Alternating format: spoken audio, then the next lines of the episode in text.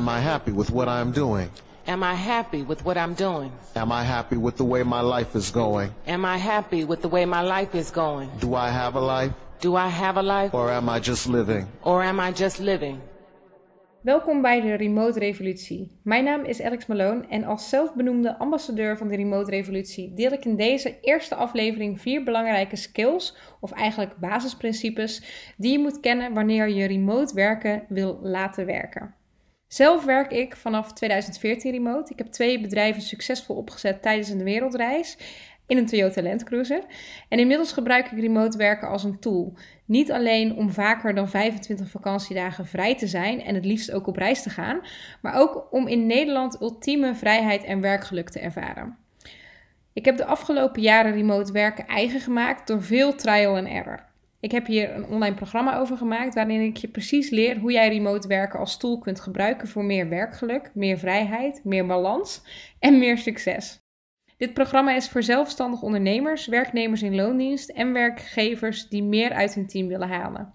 Er deden al eerder meer dan 300 mensen mee die met kleine en grote aanpassingen in hun leven al in een paar weken meer vrijheid en werkgeluk ervaren. Dus vind je het interessant om hier meer over te leren en vooral ook zelf mee aan de slag te gaan, dan kun je meedoen. Op www.meetingsinthesun.nl vind je daar meer informatie over. Maar vandaag ga ik het met jullie hebben over wat remote werken precies is, wat het je kan brengen en met welke vier soft skills je rekening moet houden als je remote werken wilt laten werken. Laten we beginnen bij het begin. Wat is remote werken? En wat is het verschil tussen een digital nomad en remote werken?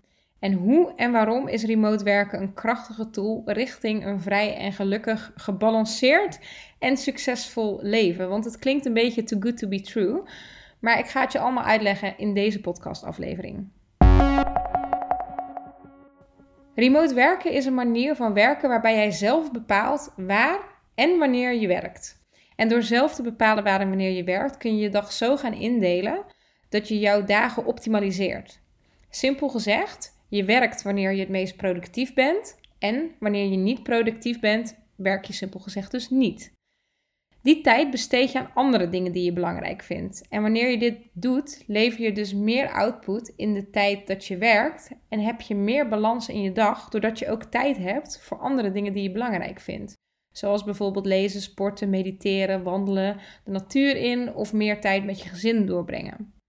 Omdat we niet alleen maar leven om te werken, ervaar je meer geluk. En daar krijg je meer energie van. Energie die ook weer ten goede komt van je werk en de output die je levert. Waardoor je zeker als zelfstandig ondernemer, maar ook als werknemer, een hoger rendement op je uren kunt maken. Een hoger rendement betekent dus dat je meer verdient in minder tijd. Kortom, wat ik heb ervaren door remote werken is meer omzet in minder tijd, meer balans, meer vrijheid en ook meer werkgeluk. Ik zie het eigenlijk als een soort van opwaartse spiraal van vrijheid in verschillende vormen. Vrijheid in tijd, vrijheid in waar je werkt en financiële vrijheid. Grappig genoeg geeft werken mij dus veel vrijheid. Ik zie remote werken niet als een doel op zich, maar als een krachtige tool die jou kan helpen om je leven zo in te richten op een manier die bij je past. Zoals je dieet kunt zien als een tool om af te vallen en mediteren als een tool om meer rust te ervaren, is remote werken een manier om meer vrijheid in je leven te ervaren. En net als bij een dieet of bij mediteren is ook bij remote werken er niet maar één manier om invulling te geven aan de tool. Dus het ligt heel erg aan je eigen wensen en behoeften en waar je heen wil. En dat maakt het aan de ene kant uitdagend, want ik kan jou niet precies vertellen wat jij moet doen om remote werken op een voor jou passende manier in je leven te integreren. Maar dat maakt het ook direct extreem vet. Want jij bent namelijk in controle van hoe jij remote werken gaat inzetten om een vrijer leven te leiden. Ik kan je natuurlijk wel mijn visie op remote werken delen en alle tips, alle informatie en de ervaring met je delen die ik de afgelopen jaren heb verzameld. En dat zal ik dan ook doen in deze podcastserie en in het online programma Remote Werken waar ik je al eerder over vertelde. Daarin gaan we samen ontdekken hoe jij deze tools het beste kunt gaan gebruiken om jouw persoonlijke doelen rondom vrijheid, balans en geluk te bereiken. Vervolgens ga jij met alle informatie die ik geef zelf aan de slag met die manier van werken. Oké, we hebben het nu gehad over wat remote werken is en waarom deze manier van werken bijdraagt aan meer vrijheid, geluk, balans en succes. Maar wat is dan bijvoorbeeld een digital nomad? Wat is het verschil? Een digital nomad is iemand die volledig of deels zijn of haar werk online en daarmee dus remote kan doen. En die maakt daar gebruik van door veel te reizen. Het simpele verschil tussen remote werken en een digital nomad is dat elke digital nomad remote werkt. Maar niet iedereen die remote werkt is een digital nomad. Remote werken kan je de vrijheid van vaak reizen of een fulltime nomade bestaan zelfs geven. Maar remote werk is bijvoorbeeld ook een krachtige tool voor ouders die hun tijd zo willen indelen dat ze productief kunnen werken en quality time met hun gezin kunnen doorbrengen. In een volgende podcastaflevering ga ik daar overigens dieper op in. Voor nu is het belangrijk om te weten dat remote werken voor jou verschillende benefits kan opleveren. Vragen die je jezelf kunt stellen zijn: wat betekent vrijheid voor jou? Hoe zou jouw ideale dag eruit zien? En hoe zou jouw leven verrijkt kunnen worden door zelf in controle te zijn waar en wanneer je werkt? Dit zijn de vragen die ik mezelf begon af te stellen in 2014, toen ik begon na te denken over hoe ik mijn werkleven anders zou kunnen inrichten. Zelf gebruikte ik remote werken eerst om veel van de wereld te zien. Ik zei het net al even kort, maar ik zette mijn freelance business op tijdens een anderhalf jaar durende wereldreis en lanceerde het idee van Meetings in the Sun. Ik woonde in een auto en beide projecten zijn inmiddels uitgegroeid tot serieuze bedrijven. Inmiddels heb ik een vaste basis in Nederland. Ik heb zelfs een huis gekocht. En ik gebruik remote werken nu niet meer om fulltime te reizen. Wat remote werken mij nu brengt, is dat ik mijn dag kan optimaliseren. Ik werk op de tijden en de plekken die mij het meeste energie geven en daardoor kan ik de meeste output leveren.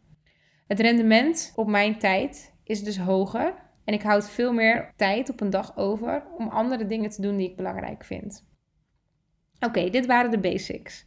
Nu we dat gehad hebben, wil ik het met jullie hebben over de vier belangrijke basiselementen die je volgens mij nodig hebt om remote werken te laten werken.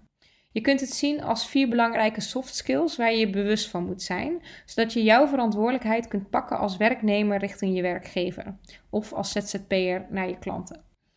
En let goed op, want dit is volgens mij heel interessant. Veel werkgevers denken dat ze vooral in technologie moeten faciliteren, de juiste programma's, etc om remote werken mogelijk te maken. Maar om remote werken echt te laten werken, gaat het vooral om de relatie tussen jou en je baas of tussen jou en je klant. En dit gaat over een stukje bewustwording en gedragsverandering. Jouw werkgever heeft daarin een bepaalde verantwoordelijkheid richting jou als werknemer. Maar andersom heb jij die verantwoordelijkheid zeker ook naar jouw werkgever en naar jezelf. Want wist je dat er sinds het verplichte thuiswerken drie keer zoveel burn-outs zijn dan voor de coronamaatregelingen? Dit las ik in het magazine Wired en het was een onderzoek van PwC. In een volgende podcast ga ik verder in op de verantwoordelijkheden die wat mij betreft bij de werkgever liggen. Maar ik ga het nu met je hebben over welke stappen jij zelf kunt zetten richting meer vrijheid en werkgeluk binnen je huidige werk, door een bepaalde houding aan te nemen richting jouw klant of werkgever. Alright, het begint met discipline, want het ontdekken wat jouw ideale ritme is, vergt heel veel discipline. En het gaat over het nakomen wat je met jezelf en met anderen afspreekt. Discipline kun je zien als een spier en die kun je dus ook trainen. In het online programma ga ik daar veel dieper op in. Dat is voor nu een heel klein beetje te veel detail, maar voor nu wil ik je een belangrijk inzicht meegeven. Ik zei net al, discipline is als een spier, dus die kun je trainen. Maar voor mijn gevoel is dat maar minimaal nodig wanneer je de secret ingredient hebt voor discipline. En dat is intrinsieke motivatie. Je kunt jezelf namelijk nog zo hard trainen om discipline te kweken en te hebben. Maar wanneer je weet waarom je doet wat je doet en dat in lijn ligt met wat jij echt belangrijk vindt, dan hoef je jezelf geen trucjes meer aan te leren dan vind je het zo belangrijk om een volgende stap te maken dat werken bijna als vanzelf gaat. Jij bent namelijk dan committed aan je doel. En als het gaat over remote werken, dan is het dus belangrijk om inzichtelijk te krijgen waarom jij graag remote wil werken. En dan kom ik terug bij de vragen die ik al eerder in deze podcast stelde en waar ik dus nog een keer heel even bij stil wil staan. Wat betekent vrijheid voor jou? Hoe zou jouw ideale dag eruit zien? En hoe zou jouw leven verrijkt worden door zelf in controle te zijn waar en wanneer je werkt? Deze vragen zoomen specifiek in op de discipline die je nodig hebt om jouw ideale ritme te ontdekken. Maar aangezien remote werken niet alleen kan zorgen voor meer vrijheid, maar ook voor meer werkgeluk, zou het wijs zijn om niet alleen meer inzicht te krijgen in waarom je remote wil werken, maar ook waarom jij het werk doet wat je doet. Ik vroeg laatst via Instagram wat mensen de negatieve impact vonden van thuiswerken. En veel mensen gaven aan dat ze snel afgeleid zijn. Nou ben ik wel benieuwd, als jij nu zit te luisteren, of jij het ook moeilijk vindt om focus te houden op je taken. Vraag je dan af, als dat zo is, of jij jouw taken wel belangrijk genoeg vindt. Heb je het gevoel dat jouw werk een bijdrage levert aan wat jij echt belangrijk vindt in het leven? Wat vind je eigenlijk echt belangrijk om bij te dragen? En vervult jouw werk die functie?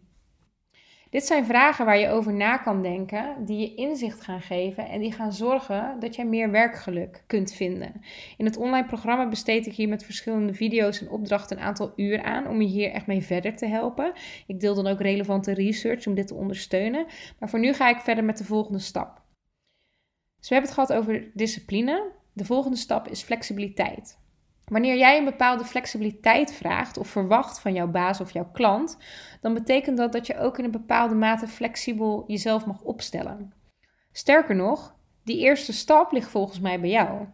Wil jij graag kortere dagen maken omdat je productiever bent in de morgen? Zorg dan eerst dat je laat zien wat je voor extra werk verzet in de morgen. Zet een klein stapje. Geef eerst iets en kom met bewijzen voordat je dingen gaat vragen of zelfs eisen. En dat brengt mij eigenlijk direct op het volgende punt: communicatie. Je kunt gedisciplineerd zijn en flexibel, maar als je niet communiceert over je wensen, je plannen en de stappen die je bewust aan het maken bent, hoeft er nog niks te veranderen in de situatie, omdat de andere persoon simpelweg niet weet wat je aan het doen bent en wat je daarvan verwacht. Besef je goed dat een van de grootste angsten van een klant of een werkgever is, is dat hij of zij kosten kwijt is zonder dat er werk gedaan wordt. En aanwezigheid is een bepaalde schijncontrole op die angst. Er heerst een perceptie dat als jij zichtbaar bent, dat je dan productief bent. En wanneer jij niet aanwezig bent, neem je als het ware die controle, die schijncontrole af. De functie van communicatie is dus vooral die controle weer teruggeven aan jouw werkgever of je klant. Dit vond ik dus een heel interessant inzicht toen ik hierop kwam. Ik heb dat dan ook bestudeerd en ik heb daar een stappenplan op gemaakt. Dus ook die kun je vinden op www.meetingsandsound.nl. Oké, dan last but not least vertrouwen. Dit komt voort vanuit een heldere communicatie die kort gezegd bestaat uit twee stappen. Zeggen wat je doet en doen wat je zegt. In het programma heb ik het overigens niet alleen over vertrouwen tussen twee personen, maar ook over vertrouwen in jezelf als professional. Aangezien jij werkt bij een bedrijf of samenwerkt met een bepaalde klant, mag je ervan uitgaan dat jij een bepaalde waarde levert. Om die waarde te kunnen blijven leveren, heb jij bepaalde behoeftes en bepaalde wensen en die mogen dus besproken worden. Ik heb het gevoel dat te veel mensen zichzelf wegcijferen voor hun werk of voor de verwachtingen die ze denken dat anderen van hen hebben. En als ik kijk naar mezelf, toen ik een paar jaar geleden heftige burn-out klachten had, kwam dat niet doordat ik te veel werkte, maar omdat ik één werk deed wat niet volledig aansloot bij wat ik echt belangrijk vond in het leven, maar ik was er wel heel goed in. En daarom had ik niet het vertrouwen in mezelf dat ik dacht dat ik echt een andere kant op kon gaan. Want ik was goed in hetgene wat ik deed.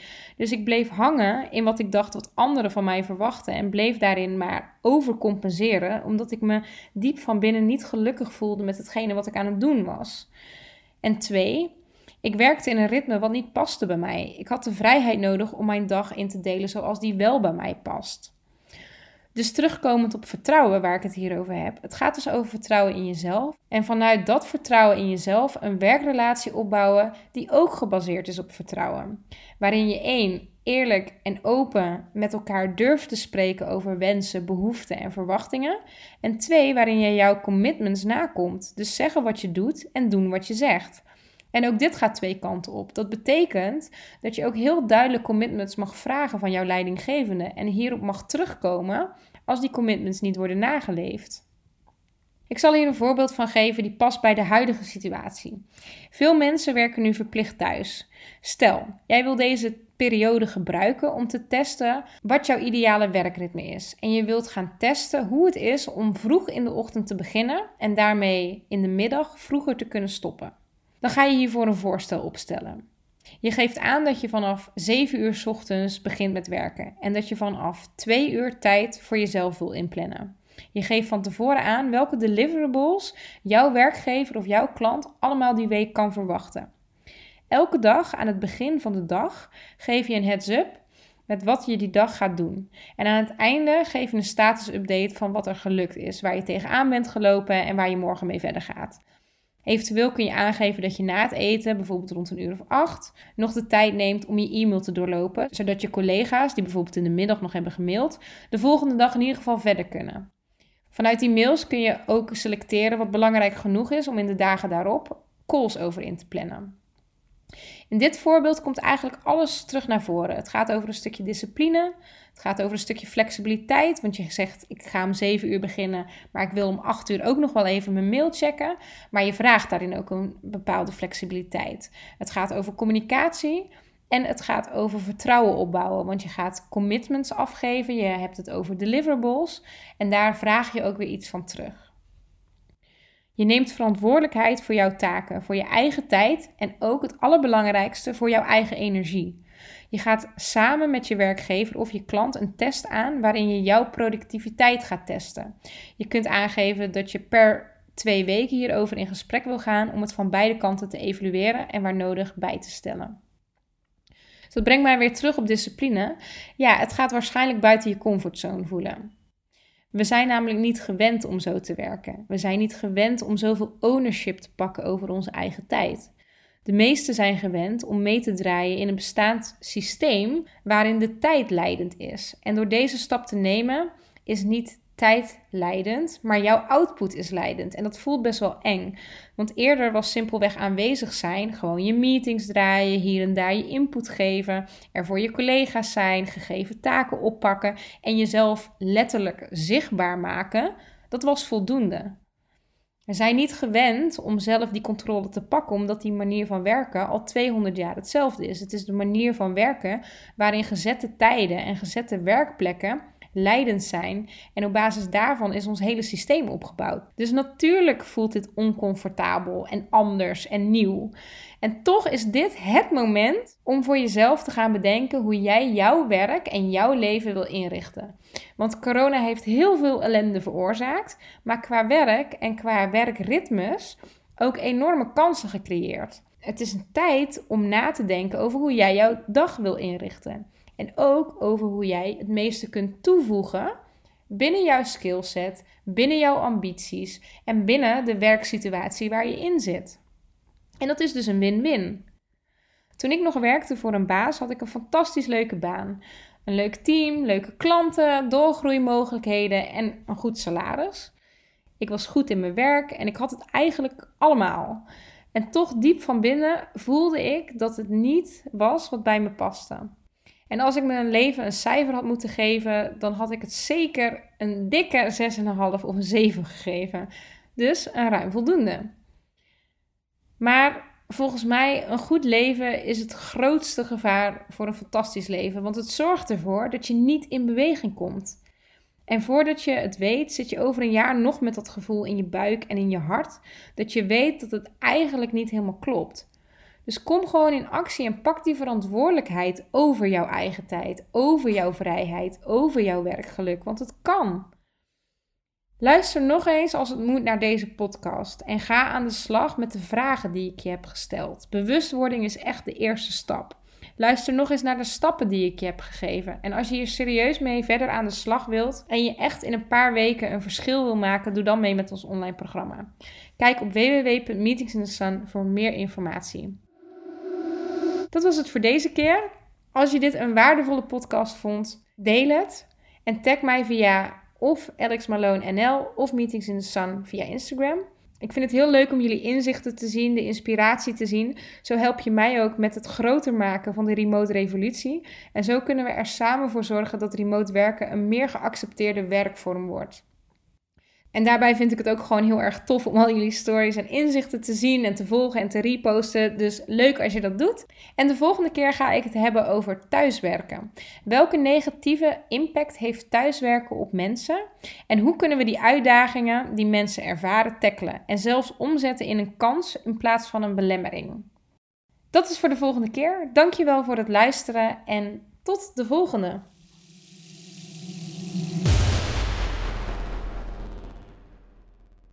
Am I happy with what I'm doing?